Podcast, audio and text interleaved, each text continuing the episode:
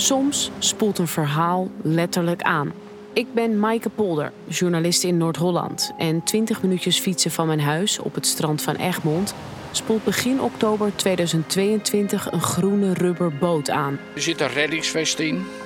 Uh, er zitten mutsen in. Ik haal alles er even uit. Een sjaal. Allemaal warme kleding. Schoenen. Er blijken dan geen mensen meer op te zitten, maar er liggen nog wel allemaal persoonlijke spullen in. Waar kwam die boot vandaan en waar was die op weg naartoe? Wie zaten erop en wat is er met deze mensen gebeurd? Dit is de Egmondse Vluchtelingenboot. Aflevering 1. De vondst. Ik ben nu drie jaar, zoiets, verslaggever bij NH. En dat werk is eigenlijk elke dag wel anders. Ik maak videoreportages, radio, schrijf artikelen. Soms sta ik bij een brand of doe verslag van een moordzaak. Verslaggever Maaike Polder, goedemiddag. Eerst naar eh, februari 2021. Wat gebeurde daar toen ook weer in Bergen aan Zee? Ja, dat was toch wel ineens een beetje Narcos, de serie van Netflix, maar dan in Noord-Holland aan de kust. En ik leer dus ook heel veel mensen kennen. En soms krijg ik dan wel eens een nieuwstip. Ik heb het niet meteen door, maar deze tip gaat mij de komende maanden nogal bezighouden. Ik krijg net een appje binnen van iemand die ik ken en vaak op het strand is. Even kijken. Heb jij het al gehoord? Er is iets aangespoeld op het strand van Egmond. Bel anders even met de kustwacht. Oké. En wat deze tipgever zegt, blijkt te kloppen. Luister maar mee naar een gesprek op 6 oktober 2022. Het gaat om radiocommunicatie tussen de Koninklijke Nederlandse Reddingmaatschappij en Kustwacht Nederland over een groene rubberboot in de golven van Egmond. Het is rond kwart over zeven s'avonds. Is er bij jullie een verloren rubberboot bekend? Op meter of 500 drijft een rubberboot? Hier niks bekend. Wat wel vaak voorkomt zijn die uh, migrantenbootjes. Ja, daar lijkt het wel op. De stemmen die je hoort zijn niet die van de kustwacht en de KNRM, maar dit is wel de echte dialoog. Die heb ik opgevraagd omdat ik benieuwd ben naar hoe het die avond is gegaan. Er blijkt namelijk een heel verhaal te zitten achter deze groene rubberboot. Ik ga zo wel even met de KHV die kant op. Want als ik met de boot die kant op ga, dan ligt hij al op de kant. Gaat dat zo snel? Ja, nou, ga met de boot ook wel even kijken. Ja, doe dat maar. Maar voor hetzelfde geld zit er nog wat in. Ga kijken. Wil jij alarm maken? Doe ik. Eruit voor rubberbootje. Even over die kustwacht hè, die je net hoort. Die houdt met schepen, patrouillevliegtuigen en helikopters toezicht op de Noordzee. Ze redden mensen, dieren, schepen of vliegtuigen in nood. Onderweg naar rubberbootje, noord van Egmond. En in opdracht van die kustwacht komt de KNRM in actie. Dat zijn die oranje boten die je vast wel eens bij de strandopgang hebt gezien. In weer en wind en soms met gevaar voor eigen leven redden zij mensen.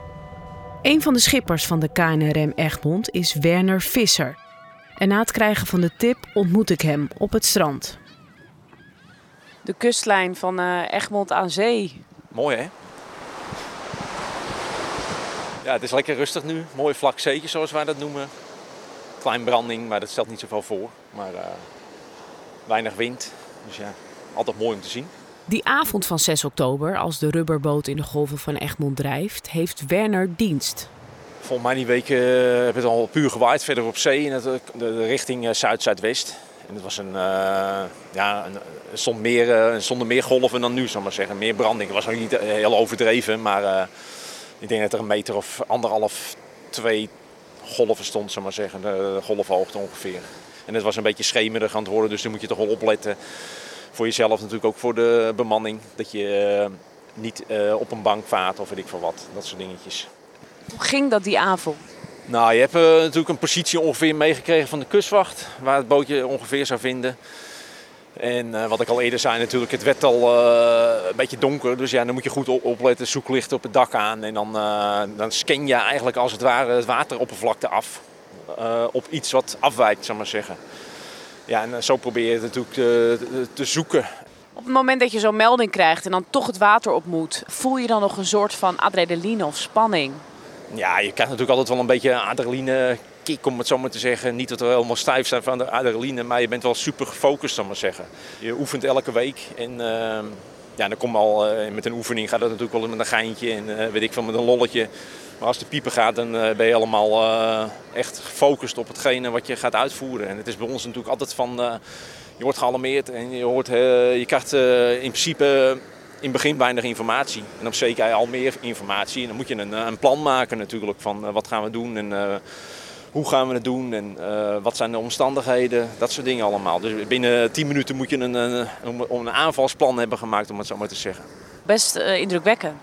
Ja, nee, dat doen we met z'n allen, met het team. En daarvoor oefenen we natuurlijk. En eh, ja, met je oefent natuurlijk heel vaak eh, zoekslagen naar eh, objecten of personen in het water. En ja, als je zo'n actie hebt, dan komt dat eigenlijk uit je krokodillenbrein, zeggen, naar boven borrelen. En dan gaat het eigenlijk allemaal automatisch. En nou ja, al snel wordt het duidelijk dat er gelukkig niemand in het bootje zat. Oké, ik weet nu wat de kustwacht en de bemanning van de KNRM doen die avond in oktober. En ik weet dus ook dat er niemand meer in het bootje zit of in de zee drijft als de redders aankomen. Maar, en nu wordt het interessant, de KNRM ziet dat de groene rubberboot niet leeg is. Ja, kijk, je ziet natuurlijk die, die schoenen zie je van eh, kleine kinderen. Dan denk je wel bij eigen, ja, dan gaat er wel wat door je heen natuurlijk.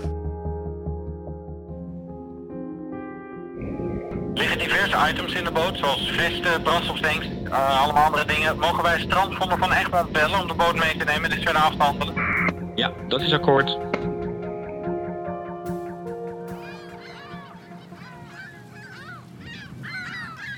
Toen hebben wij de boot aan de, aan de kant gezet om even te assisteren aan de wal. Eh, de gegevens even uitgewisseld met de kustwacht.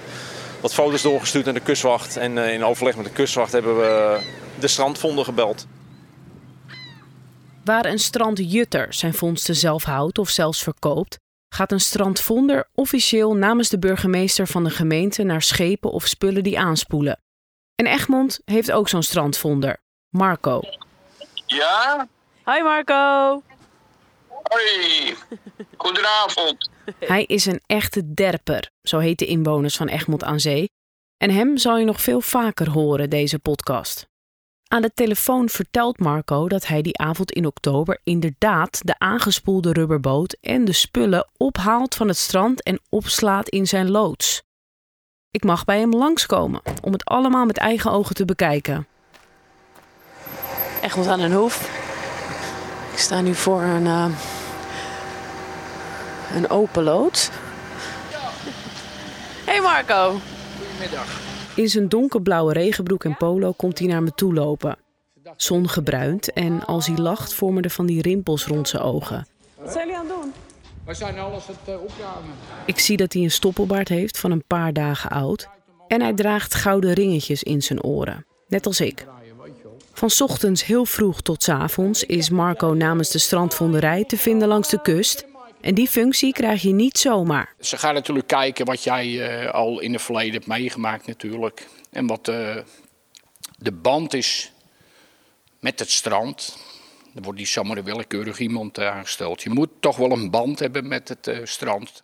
Jarenlang vaart Marco over Europese wateren als machinist van schepen met kolen, hout, erts. En na zijn korte dienstplicht in Duitsland begint hij 35 jaar geleden bij zijn oom bij de strandvonderij van Egmond. Dus ik zorg voor eh, de communicatie, eh, de planning, eh, het analyseren en registreren van alle spullen die van strand komen of aanspoelen. Het is niet alleen spullen die aanspoelen, er worden ook wel eens spullen gedumpt door mensen. En die stellen wij dan veilig hier ook. Je wordt ook beëdigd als strandvonder. Wij zijn eigenlijk hulpstrandvonders. Hè. De hoofdstrandvonder blijft altijd de burgemeester. De burgemeester blijft altijd eindverantwoordelijk. Eh, je moet ook de eet afleggen. En je krijgt ook een eh, soort, eh, net als een ketting, een amstketen. Die krijg je als hulpstrandvonder. En die hebben wij ook gekregen. Die hebben we hier op kantoor liggen. Vroeger was het zo natuurlijk.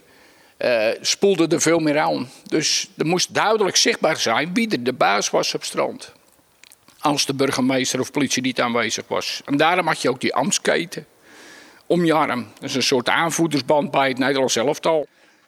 Als uh, hulpstrandvonder was je bevoegd om iedereen aan te houden die dus bijvoorbeeld hout meenam of uh, andere objecten. Die dus eigendom zijn van de gemeente. In dit geval omdat het aanspoelt op een gemeentelijke strand. En zo hebben we ook boekjes. Daar hielden we ook bij wat de mensen van strand haalden. En die heb ik hier nog. Dus hier een meneer Zwart. Want die had de partij Hout aangegeven. Ter hoogte van Berg, het staat hier ook op. En de mensen die wat vonden, die kregen wel vindersloom. Want anders was het niet. Uh, anders werd alles weggehaald natuurlijk. Je moest die mensen wel een uh, beloning geven. Ja, Marco vertelt echt het ene na het andere boeiende verhaal over de strandvonderij. Maar ik kom hier natuurlijk wel voor die rubberboot. Hey, nou heb je dus al heel veel gevonden op het strand, hè? Ja. Weet je nog uh, toen je werd gealarmeerd over die boot? Ja, dat was uh, s s'avonds. Uh, ik zat televisie te kijken. En ja, hoe laat weet ik niet meer precies. Maar het was in ieder geval goed donker buiten. En, ik had net de hond uitgelaten. Dus ik zat lekker met mijn beentjes op een bankje. En toen werd ik dus gebeld door, door Wenner Visser. En die zegt, uh, Marco, uh, zo en zo, er is een uh, rubberboot, hebben we uit zee gehaald. er liggen nog ja, hoop spullen in. Hij zegt, kunnen jullie komen en dan kunnen jullie hem opladen. Helpen wij je laden. Nou, zo gezegd, zo gedaan. Ik heb mijn kameraad gebeld, of mijn collega. En toevallig stond alles al klaar. Dus wat, ik had al een wagen staan met een kar. Een kar van 10 meter erachter. Want we zouden de volgende dag naar Wijkerzee gaan om daar uh, ook werkzaamheden te verrichten. En mijn collega's met de shovel achter me aangereden, achter de trekker. En uh, zo zijn we naar het strand toe gegaan. Nou, we konden de jongens al duidelijk zien, want ze hadden alles verlicht daar. Ze hebben daar zo'n KFV, dat is een kusthulpverleningsvoertuig. Die stond daar om alles bij te lichten. En uh, uiteindelijk hebben we hem opgepikt. En ik heb nog gevraagd aan uh, Wenner, aan de schipper, of er nog bijzonderheden waren. Nou, hij zei, we hebben alles bekeken en wat mij betreft kan hij weg. Ik zeg, is iedereen op de hoogte van dit gebeuren? Ja, hij zei, de kustwacht heeft ons gealarmeerd, dus die is er ook van op de hoogte. Ik zeg, nou, dan ga ik direct de ambtenaar bellen van de gemeente Bergen... dat we dit, deze boot meenemen en dat we hem morgen gaan onderzoeken wat erin ligt. En dat hebben we dus gedaan. We hebben het achter het hek gezet. Bij ons op. En de boel binnengezet. En we zijn weer naar huis gegaan. Zo is het gegaan die avond. Later in de podcast duiken Marco en ik in alle spullen. Maar eerst haalt hij met een collega een zwaar groen pak leeggelopen rubber tevoorschijn. De boot ligt nu uitgevouwen in de loods. Het is echt zo'n zodiac met een zitgedeelte van ongeveer een meter of zes, denk ik. Maar iets aan de zijkant valt me meteen op. Er staan cijfers op en het lijkt alsof ze er zijn opgespoten, een soort graffiti. 505532. Mij is verteld dat dit getal, die 32, gerelateerd is aan de hoeveelheid mensen die aan boord zijn geweest. Levensgevaarlijk. 32 mensen?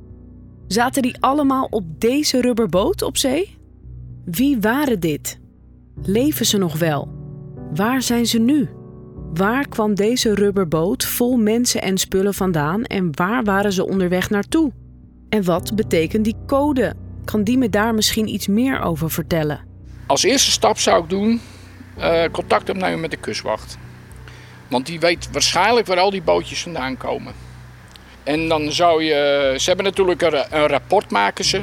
Van elke dag dat ze met, uh, met de zee bedreven zijn. Er worden rapporten van gemaakt.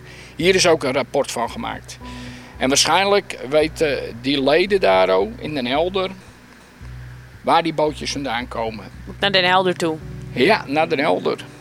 Dus ik zou zeggen, ga naar Land's End. Daar kun je lekker koffie drinken. En probeer daar contact te krijgen met de kustwacht. In de volgende aflevering kom ik erachter waar de groene rubberboot vandaan komt. Kijk, het is natuurlijk heel pijnlijk om te zien, terwijl wij, wij weten wat de gevaren op zee zijn. En zie ik voor het eerst met eigen ogen wat erop lag. Het, is, eh, het ruikt naar ellende, dit. Zo moet je het maar zien. Het ruikt naar ellende. De Egmondse Vluchtelingenboot is een podcast van NH Media. De research en het scenario zijn van mijn hand, Maaike Polder. Montage en audio-nabewerking deden Dirk de Boer, Bart Slim en Studio Haring. En eindredacteur is Laura Gremé. Abonneer je op deze podcast in je favoriete podcast-app. Dan krijg je vanzelf een melding als er een nieuwe aflevering is. En laat ons ook meteen even weten wat je van de podcast vindt. We stellen jouw mening op prijs, dus laat vooral een recensie achter.